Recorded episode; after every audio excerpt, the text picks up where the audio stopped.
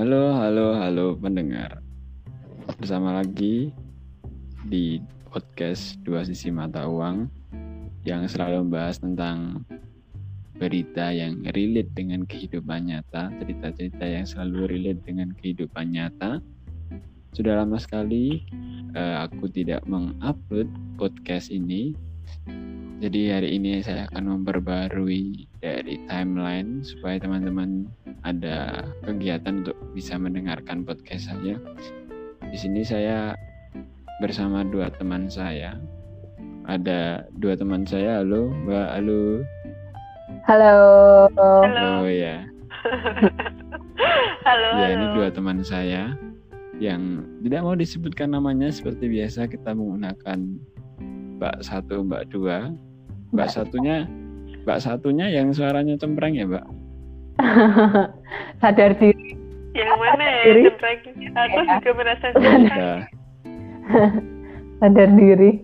Oke terima kasih sudah sadar. Yang cempreng yang mana? Berarti iya ya? iya kamu ya. Iya iya kamu uh, kamu. ya.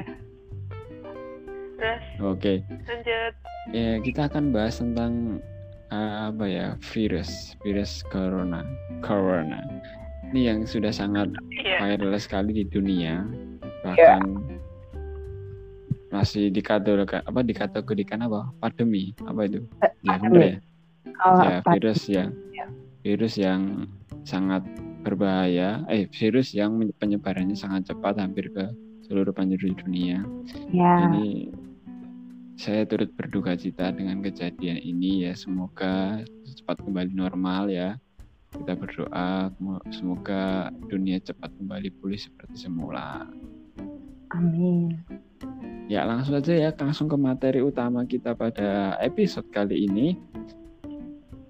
Apa sih yang bisa kita ambil dari sisi positif adanya virus corona ini? Kan yang sudah diberitakan banyak sekali sisi-sisi negatif yang telah kita dengar hoax-hoax yang sudah bertebaran di mana-mana dan juga banyak sekali berita tentang Indonesia yang ternyata belum siap dengan virus ini terus banyak sekali ya berita-berita luar negeri yang ternyata pemain sepak bola, artis juga terjangkit virus ini. Jadi ya, tapi kita harus bisa melihat sisi yang lain. Mengapa podcast ini saya namakan dua sisi mata uang? Karena kita bisa melihat sisi lain dari sesuatu kejadian. Kita ambil yeah. sisi positifnya seperti itu. Siap, siap. Jadi saya mau bertanya kepada Mbak yang nomor dua dulu. Apa sih Mbak menurut kamu sisi positif dari adanya virus ini? Aku ya nomor dua ya. Iya, betul sekali. Sisi positifnya itu berarti kita disuruh beristirahat. Terus kayak disuruh buat lebih menjaga kebersihan, memperhatikan lingkungan sekitar. Itu.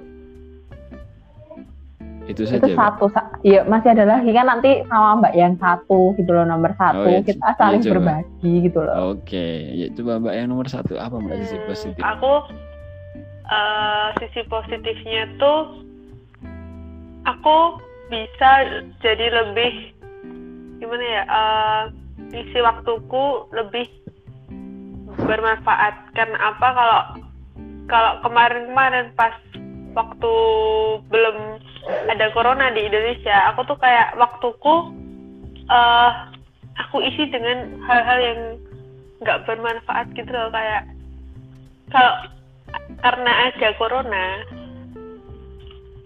aku jadi bisa lebih isinya tuh kayak hobiku aku isi aku bisa belajar masak aku bisa belajar uh, pelajaran-pelajaran yang sebelumnya aku nggak bisa dan uh, aku bisa ngerjain tugas dengan leluasa. Kalau aku sih gitu sih. Ya jadi, jadi sangat banyak ya sebenarnya hal-hal positif yang bisa kita ambil. Jadi nggak muluk-muluk kita membicarakan tentang buruknya corona tapi kita juga harus bisa mengambil hal positif di dalamnya. Kalau yeah. dari aku sih hal-hal positifnya adalah manusia itu bisa mengambil hikmahnya adalah manusia itu bukan apa ya kayak sesu, sesuatu yang bisa menguasai dunia ini. Sesuatu yang super power sesuatu yang bisa seenaknya saja mengobrak-ngabrik alam lah merusak alam. Tapi masih ada makhluk hidup makhluk hidup atau mikroorganisme atau yang lain yang bisa membuat kita itu sadar bahwa kita di bumi ini bukanlah manusia saja tapi kita hidup di bumi ini berdampingan dengan dengan segala jenis ciptaan Tuhan. Jadi mungkin dari aku sendiri kita ambil si positifnya positifnya adalah bahwa kita harus bisa hidup berdampingan kita harus bisa menjaga alam kita harus bisa untuk tidak sombong kepada kepada siapa pun terutama kepada pada dunia bahwa mengatakan bahwa manusia adalah makhluk yang paling sempurna dan bisa melakukan apa pun tanpa ada yang melarang. Tapi kita lupa bahwa kita hidup berdampingan dengan alam, kita hidup berdampingan dengan segala jenis ciptaan Tuhan yang kita tidak tahu kapan itu akan menyerang kita balik. Ya contohnya seperti virus ini mengingatkan kita untuk selalu bermuasabah, selalu mendekatkan diri kepada Tuhan yang Maha Esa. Kita nggak tahu kapan virus ini akan yeah. menyerang.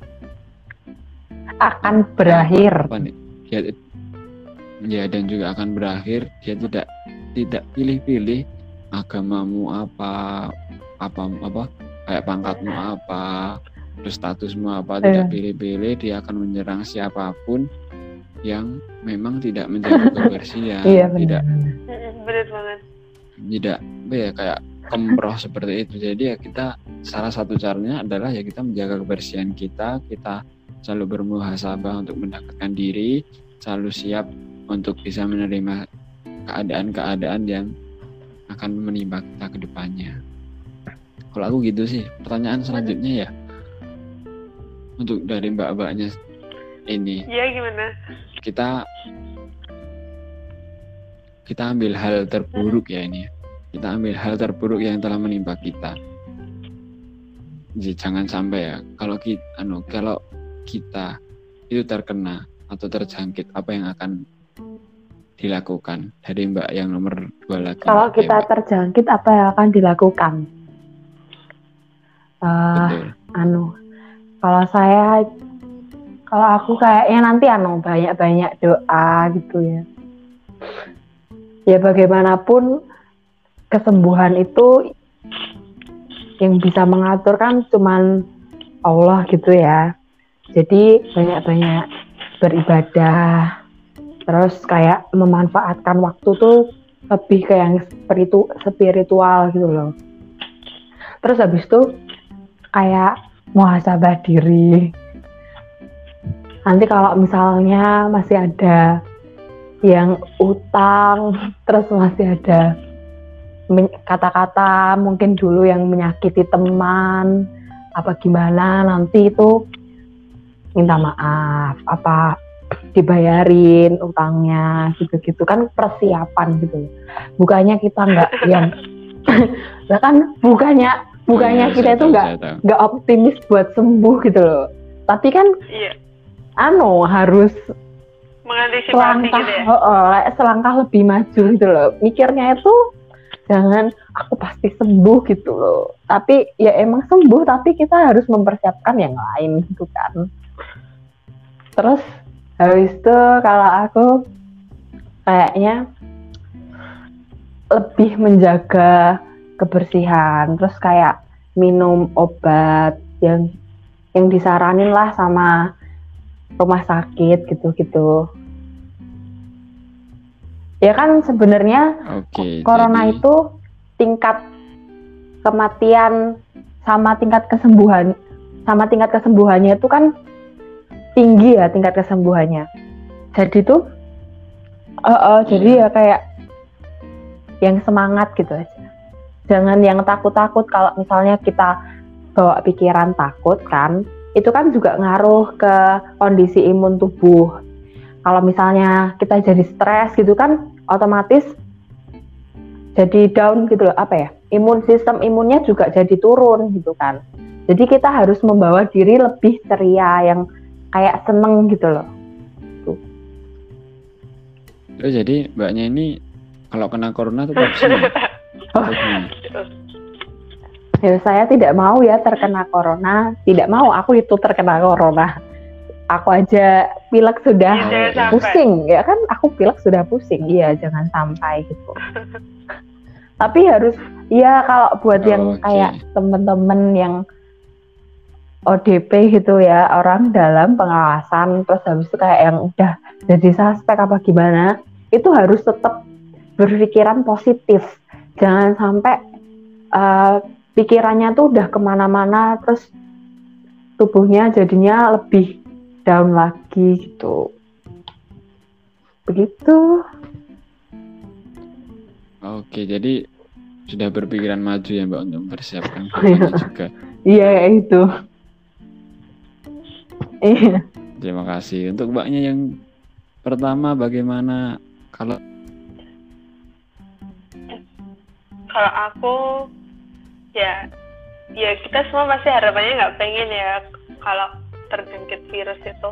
Soalnya itu kan benar-benar menakutkan sekali buat semua orang kan? Iya benar. Ya benar banget. Nah aku sih ya sadar diri aja sih kayak eh kan kayak gitu ada yang kenanya tuh karena ah kok karena? Kenanya ada yang ada gejalanya dan ada yang enggak. Nah kalau misal ada gejala yang merujuk pada virus itu maksudnya yang kena corona itu aku sih kayak ya sadar diri untuk berarti aku harus membatasi kontak dengan yang sama orang-orang di sekitarku gitu loh. Terus berarti aku harus ke mana sih? Berarti aku harus ke rumah sakit. Terus ya pokoknya sadar diri aja lah. Terus habis itu eh, sebisa mungkin jangan sampai kontak ada kontak sama orang lain kecuali sama para medis ya. Iya. terus ya kita nyiapin gitu juga sama seperti yang mbaknya yang nomor dua tadi. Nah kurang lebih seperti itu.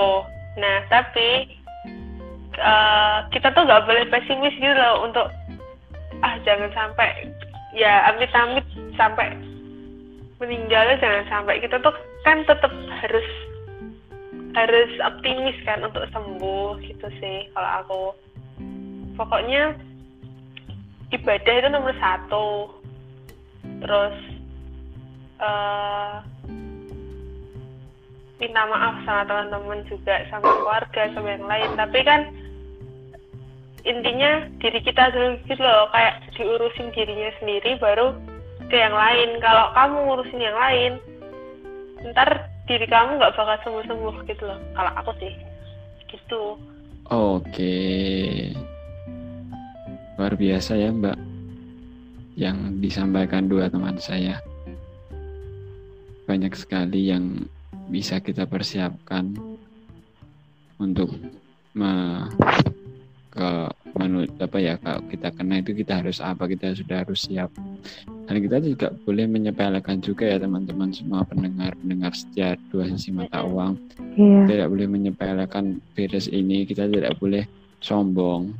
Kita oh kita aman kita kita pasti tidak kena. Tapi ingatlah bahwa setiap apa yang kalian sentuh apa yang akan kalian lakukan apa keputusan kalian saat ini akan men- menentukan apa yang akan terjadi nanti di selanjutnya. Jadi tetap selalu jaga kebersihan contohnya cuci tangan pakai sabun. Kalau nggak ada hand sanitizer sabun pun sudah cukup. Setiap keluar ke rumah lagi selalu selalu selalu dan selalu ingat untuk selalu mencuci tangan karena kebersihan tangan kita ini adalah apa ya kayak penentu kita di masa depan kita akan menjadi seperti apa. Kalau dari aku sendiri apa yang akan aku lakukan nanti kalau ya jangan sampai ya kena virus ini adalah yang pertama adalah mempersiapkan mental karena akan adanya isolasi yang cukup panjang selama hampir dua minggu. Kita tidak boleh berinteraksi dengan banyak orang hanya dengan perawat-perawat dan perawat-perawat pun pasti juga sedikit menjaga jarak dengan kita karena juga takut akan tertular. Betul ya mbak? Iya. Iya kan itu tadi ya membatasi kontak ya yang per- orang. ya kan yang harus kita persiapkan adalah psikis kita yang biasanya kita interaksi dengan orang Heeh. kita biasanya bercanda-canda kita hanya di rumah sakit di ruang isolasi selama dua minggu. Pasti psikis kita akan kena. Aku kok seperti ini? Pasti apa ya kayak kita itu akan down mentalnya. Apakah aku akan mati atau gimana? Jadi ya sangat disayangkan untuk kalau psikis kita yang malah kena. Jadi kita harus kayak meningkatkan oh ya mental. Yang pertama harus disiapkan adalah mental. Mental kita kalau kena kita mentalnya harus kuat mentalnya harus bisa membangun memotivasi diri sendiri tanpa adanya motivasi dari orang lain. Pintar personal kita harus kuat. Kita harus sering-sering berdialog dengan diri kita. Ya seperti itulah mungkin. Oh ya karena ya sudah banyak sekali hal positif yang bisa kita ambil. Mungkin ya hanya sedikit yang bisa kita bagi ya mbak ya. Iya uh, mungkin tapi sebenarnya ada lagi sih. mungkin yang bisa diceritakan. Uh, uh, aku pengen pengen berbagi aja sih. Berarti kan ini sebuah peringatan buat kita semuanya dari Tuhan. Kalau kita tuh uh, harus lebih mendekatkan diri sama Tuhan kan. Uh, karena ini kan juga tanda-tanda tanda-tanda tanda akhir zaman gitu loh. Terus kita tuh gak boleh lupa sama Tuhan. Jadi kita tuh harus deketin lebih deket sama Tuhan dan semoga kita selalu diberi perlindungan gitu. Kalau aku oh ya amin. Semoga kita selalu berada di lindungan Tuhan. Amin. Oh ya mbak saya membaca tadi ya sedikit membaca tentang kalau kita sangkutkan dengan agama Islam dikatakan bahwa mbaknya tahu ya mati syahid? Nah, yeah. mati syahid itu adalah nanti mati kita dibagi menjadi dua. Kalau mati syahid uh, ya salah satunya ya yang saya baca nanti bisa di Google teman-teman bisa dicari referensi yang lebih lebih lebih lebih akurat kalau yang saya dengar kalau kita meninggal karena virus atau sebuah penyakit yang menyerang dari menyerang paru-paru yeah. atau pernapasan, insya Allah kita nanti mati syahid seperti itu. Tapi jangan berpikiran kalau kita mati syahid itu masuk surga. Tapi kan kita juga di masa ada nih masih ada niat di hati yang harus kita nilai. Kalau yeah. ya pokoknya jangan khawatir, tetap tetap oh ya kalau ada anjuran-anjuran untuk beribadah di rumah itu kan di yang dianjurkan oleh presiden kita. Tapi kalau untuk cowok-cowok terutama sebisanya tunaikan ibadah di masjid, tetap melakukan sholat Jumat karena itu adalah kewajiban kita. Kita harus selalu mendekatkan diri walaupun ada penyakit yang yang bisa saja mengintai kita di perjalanan ataupun di masjid itu sendiri, tapi tetap yakin bahwa Tuhan selalu melindungi kita. Itu. Mungkin ada tambahan lagi dari Mbak satu dan Mbak dua? Hmm, kalau aku yang penting kita jangan panik dulu. Uh, kita kita panik boleh. Tapi jangan sampai panik itu menguasai kita uh, buat panik buying terus kita bingung mau ngapain dan sebagainya. Intinya uh, tetap santai tapi kita tuh juga serius menanggapinya gitu loh. Berarti kalau emang disuruh di rumah aja ya udah di rumah aja. Jangan sampai keluar yang untuk yang nggak penting-penting kayak main dan sebagainya. Kan uh, kalau aku lihat dari berita itu kan karena adanya libur ini banyak orang yang malah berpergian malah piknik gitu loh.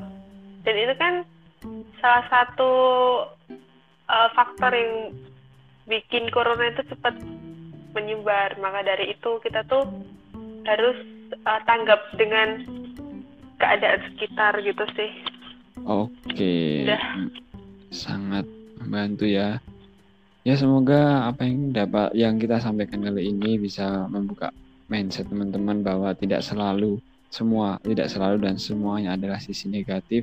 Kita bisa ambil sisi positifnya dari podcast dua sisi mata uang yang selalu membicarakan tentang hal-hal yang yang tidak biasa dibicarakan orang lain ya kita ambil sisi positifnya semoga kita tetap dalam lindungan Semoga kita selalu sehat. Ya mungkin itu saja. Terima kasih teman-teman yang sudah mendengarkan. Ya cukup lama ini pembicaraannya. Sekian, dadah. Dadah. Dadah.